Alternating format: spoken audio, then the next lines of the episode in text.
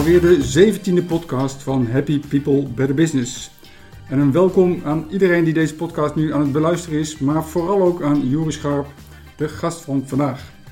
Met Juri ga ik vandaag praten over zijn onderzoek over Playful Work Design. Juri is promovendus aan de Erasmus Universiteit ehm, en hij doet dus onderzoek naar Playful Work Design en daar gaan we vandaag uitgebreid over hebben. Juri, welkom. Ik heb je nu in één zin geïntroduceerd, maar er is vast meer te vertellen over jou. Dus zal jij jezelf kort willen voorstellen? Uh, ja, uh, mijn naam is dus Scharp. En ik heb dus de afgelopen vier jaar onderzoek gedaan naar Play for Work Design. Uh, ik ben eigenlijk met dat onderzoekstraject direct begonnen nadat ik mijn master had afgerond. En ik ben eigenlijk daar terechtgekomen met heel veel geluk. Het was namelijk zo dat ik al vrij snel wist dat ik ja, onderzoek wilde gaan doen. Maar ik wist tegelijkertijd ook dat ik alleen onderzoek wilde gaan doen als het onderwerp mij erg aansprak. En het was dus zo dat tijdens de bachelor hield ik al af en toe die vacatures in de gaten om mezelf een beetje te oriënteren. En toen kwam er dus een vacature langs van Play for Work Design, over Play for Work Design. En ja, het probleem is dan natuurlijk, als je nog geen master hebt, dan kun je daar niet op solliciteren.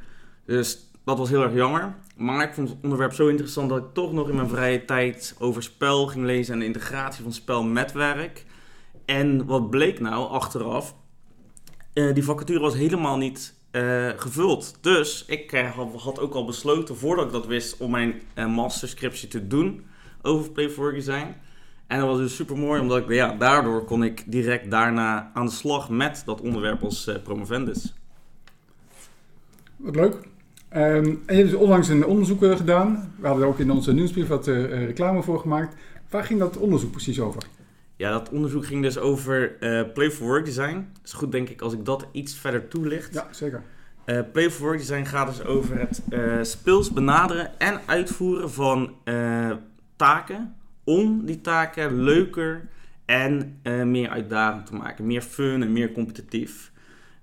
Dus dat is een onderscheid. Uh, dat is gebaseerd op uh, ja, de literatuur dat gaat over spel. En je ziet dat onderscheid vaak terugkomen. dat je het onderscheid hebt tussen ludiek spel. Daarbij gaat het meer om het gebruik van humor en fantasie. Het is minder gestructureerd. Vaak is het doel om te blijven spelen. En agonistisch spel gaat juist vaak meer over het creëren van uitdaging. Door gebruik van doelen en regels. Vaak meer gestructureerd en vaak bevat het doelen waardoor uh, de spelsessie wordt beëindigd. Zie bijvoorbeeld bij voetbal. Nou, het uh, doel is binnen 90 minuten zoveel mogelijk punten scoren en dat is het einde van de spelsessie. En wij kijken dus niet zozeer naar spelactiviteiten, maar het toevoegen van spel aan activiteiten. En het interessante is, uh, als wij workshops geven, dan is het dus zo dat veel mensen dit al vaak in het dagelijks leven doen. Ook bij uh, gewoon huishoudelijke taken of uh, andere uh, activiteiten zoals fietsen. Bijvoorbeeld als je een gesprek voert met iemand. Dat gesprek is niet van nature grappig of fun. Maar op het moment dat je bijvoorbeeld een stukje humor inbrengt door grapjes te maken. Kijk, dan wordt dat gesprek meer fun. En ook als je bijvoorbeeld naar huis fietst, naar werk. Kijk, als je dan met de eerstvolgende fietser die je ziet, maak je eigenlijk een soort van wedstrijdje om die persoon steeds in te halen. Kijk, dan wordt die activiteit meer uitdagend. Dus je ziet dat die activiteiten op zichzelf niet per se fun of uitdagend zijn. Maar door het speels te benaderen en daardoor speels uit te voeren, wordt het meer fun en uitdagend. En wij kijken dus naar de toepassing daarvan op werkactiviteiten. Dus het meer, ja, meer fun creëren van een werkactiviteit, meer uitdaging creëren door het speels te benaderen. En je ziet in de praktijk daar ook heel veel voorbeelden van. Dus bijvoorbeeld uh, onlangs, uh, nou dat is alweer een tijdje terug, maar zag je een filmpje van een uh, steward die werkte bij uh, uh, Southwest Airlines. Die was viraal gegaan omdat die flight safety presenteerde aan de passagiers als een rap, in de vorm van een rap. Dus daardoor maakte hij die taak voor zichzelf leuker en ook voor iedereen die erbij betrokken was. En als je dan bijvoorbeeld kijkt naar het creëren van uitdaging, dan je ziet dus heel vaak dat dat gaat om de competitie aan te gaan met voorgaande prestaties. En dat zie je weer bijvoorbeeld vaak bij mensen die werken in de sales. Of uh, je hoort dat programmeurs vaak het coderen zien als een uitdagende puzzel. Ja, dus je ziet dat bij deze voorbeelden dat de taken niet per se op zichzelf heel fun eh, of uitdagend zijn. Maar door die speelse benadering wordt dat element eh, ja, er proactief bij toegevoegd. Zou je iets kunnen vertellen over de, de achtergrond daarvan? Van waarom wordt er eigenlijk gekeken naar Playful Work Design? Waar, waar komt dat uh, uit voort? Um, ja, je ziet dus in de afgelopen tijd zie je steeds meer dat uh, uh, ja, de negatieve connotatie van spel wordt weggenomen. Dus aanvankelijk was het zo dat als je bijvoorbeeld kijkt naar de protestantse werkethiek, werd spel gezien als iets niet serieus. Dus eigenlijk iets wat afbreuk zou doen, aanwerken. Maar door de literatuur ook over gamificatie zie je dat, dat toch steeds vaker die positieve kanten daarvan worden belicht. Uh, en dat je daarmee wel degelijk mensen kan betrekken bij uh, activiteiten. Uh, dus je ziet nu al veel literatuur over dat gamificatie wordt toegepast ehm, top-down, dus vanuit de organisatie. En ook bijvoorbeeld bij lesgeven, dat ze op een speelse manier te werk gaan om die leerlingen te betrekken. En wij kijken dan vanuit de organisatiepsychologie, vanuit een bottom-up benadering. In hoeverre kunnen nou werknemers dat zelf doen? En dat met als doel om hun werk leuker, interessanter eh, te maken of dat ze meer betrokken raken. Wat, wat is het doel zeg maar, daar, daarachter? Ja, precies. Het gaat dus inderdaad ten eerste om het werk leuker en uh, meer uitdagend te maken. Dat je voor jezelf die uh, bevlogenheid uh, creëert tijdens taken. En dan is het zo dat daar dan eventueel ook die prestatie en creativiteit, et cetera, uit voort kan komen. En als ik het even vertaal naar de, de, werkomstandigheden, dat heeft dus zowel een voordeel voor jou als werknemer, want jouw werk wordt, wordt leuker, maar ook voor de uh, organisatie, want mensen doen met iets meer plezier hun werk, zijn misschien waarschijnlijk ook iets meer betrokken. Ja, precies, precies. Ook omdat, ja, we zien dus ook in een ander onderzoek wat we hebben opgezet, is dat ja, op de dagen dat werknemers uh, rapporteren dat zij relatief meer speels hun werk hebben benaderd, dat zijn voor hun vaak ook de dagen waarvan ze zeggen, nou dat waren de dagen waarop ik het meest uh, creatief was, of het meest heb gepresteerd, of het meest mijn collega's hielp. Dus dat zijn allemaal zaken die dan weer heel positief zijn voor de organisatie. En voor, qua voor de werknemers dus heel erg dat het uh, ja, die bevlogenheid uh, stimuleert. Mooi. Dan naar jouw onderzoek. je hebt een onderzoek gedaan. Kun je iets vertellen over de, de, de opzet? Hoe heb je het benaderd? Wat was het doel van het onderzoek? Dat soort uh, zaken. Ja, dus wat, uh, wat we nu tot nu toe hebben gezien, dat zijn dus in, de, in die uh, onderzoeken die we tot nu toe hebben gedaan, was het zo dat we keken naar die zelfrapportage. Dus dat mensen zelf rapporteren van ja, ik was meer bevlogen, ik was meer creatief toen ik aan het speelste werk ging. Maar dan is natuurlijk nog de vraag in hoeverre vertaalt dat nou naar de praktijk? Is het zo bijvoorbeeld dat die collega's ook daar iets van merken? Want als bijvoorbeeld naast die zelfrapportages het ook samenhangt met observaties van collega's, dan ja, kun je met iets meer vertrouwen zeggen dat er misschien een kausaal verband tussen de twee is en dat het eh, gaat om een echte associatie.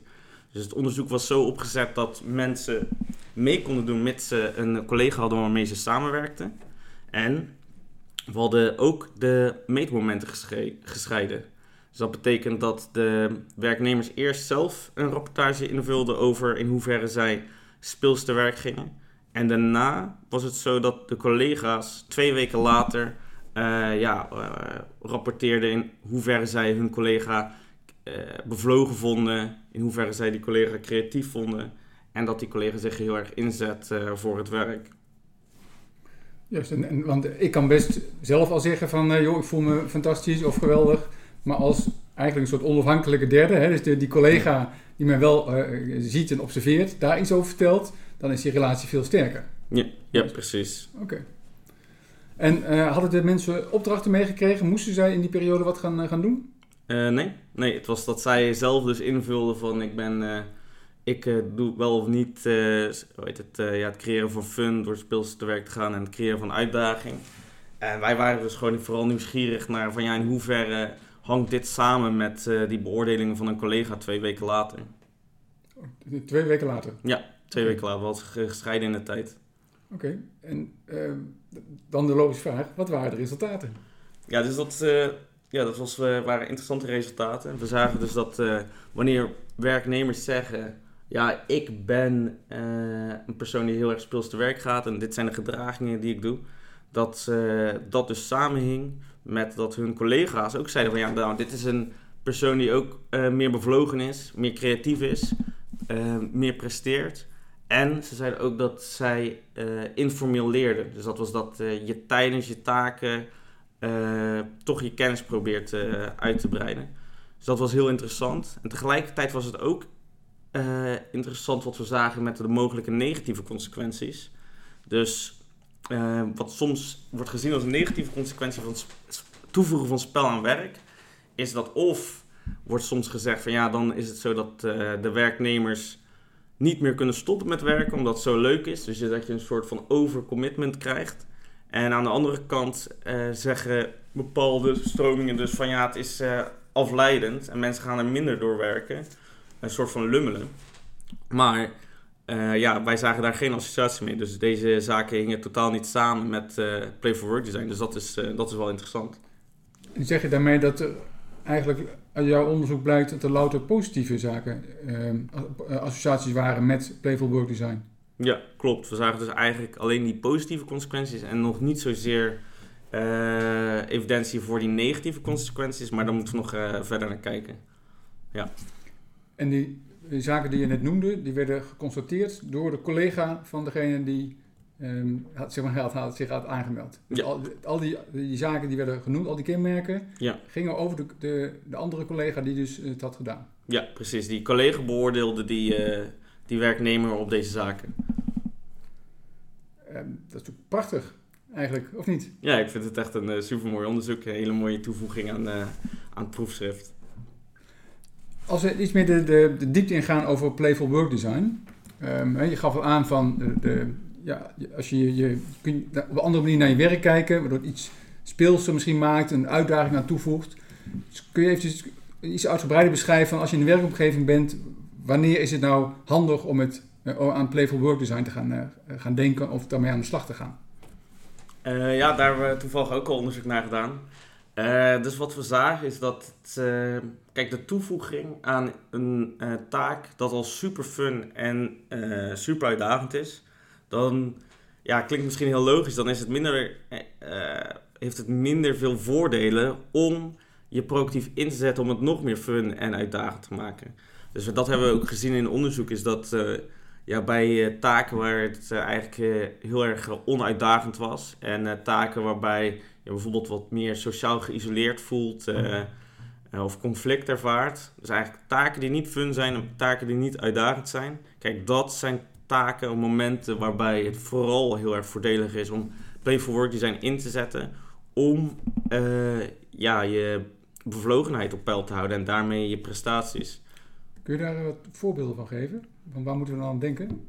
Uh, bijvoorbeeld, bijvoorbeeld toen ik al heel lange tijd terug werkte, ik ook op een vakantiepark. dat was vrij onuitdagend. Ik moest dan elke ochtend van 7 tot 12 ja, afval ophalen, afval opruimen, prikken op het pretpark of het vakantiepark.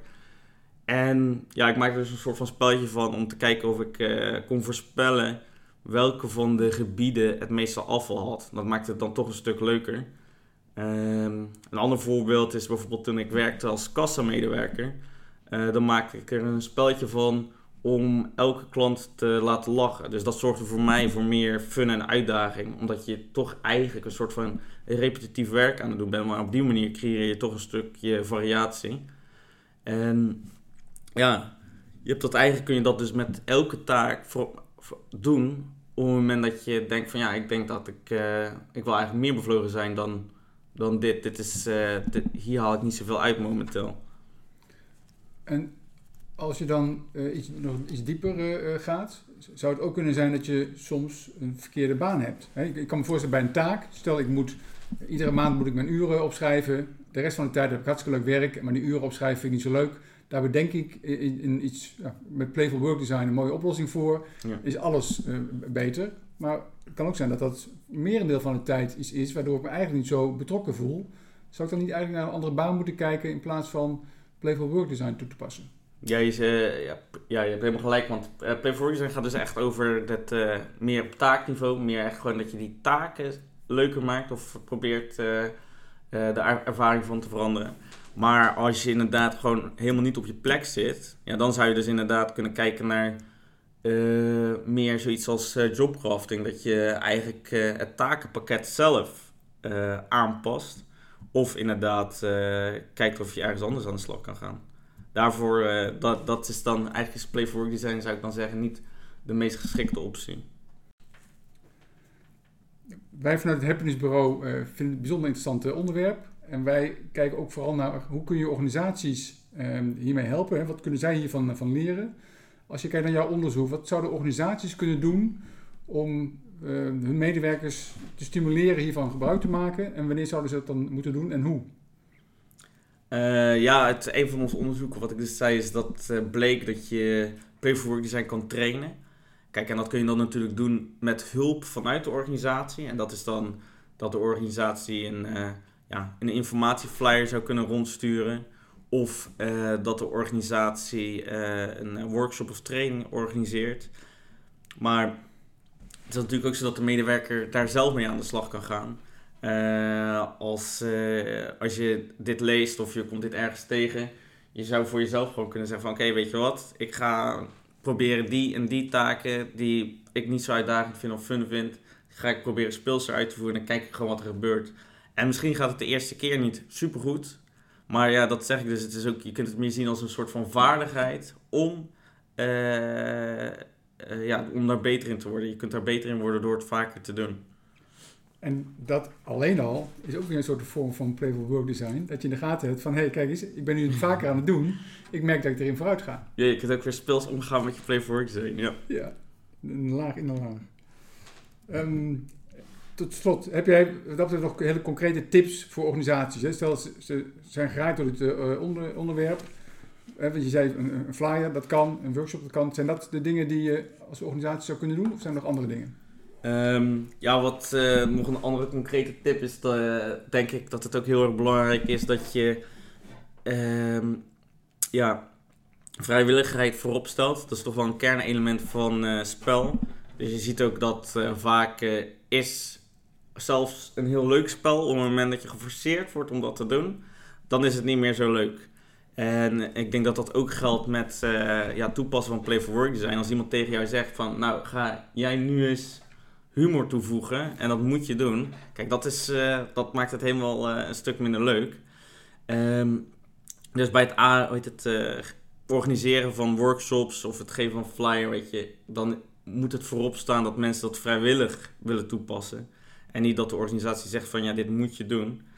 En daarnaast uh, zou ik zeggen, als je zo'n workshop bijvoorbeeld organiseert, dan is het heel goed om de werknemers met elkaar te laten praten over hoe ze dat bijvoorbeeld al toepassen. Want uh, voor elke baan ziet hoe Play for Design wordt toegepast waarschijnlijk net iets anders uit. Maar je kunt dan dus wel door verhalen te horen van collega's geïnspireerd raken van... oh, daar heb ik nog nooit aan gedacht om die taak op deze manier leuker of uitdagender voor mezelf te maken. Dus ik denk dat dat een heel goed idee is. En wat zou het voor zowel de medewerker als de organisatie kunnen opleveren? Wat blijkt nu uit niet alleen jouw onderzoek, maar ook de onderzoeken die je hebt uh, gezien, gelezen of gedaan? Wat levert het daarmee de organisatie en de medewerker op?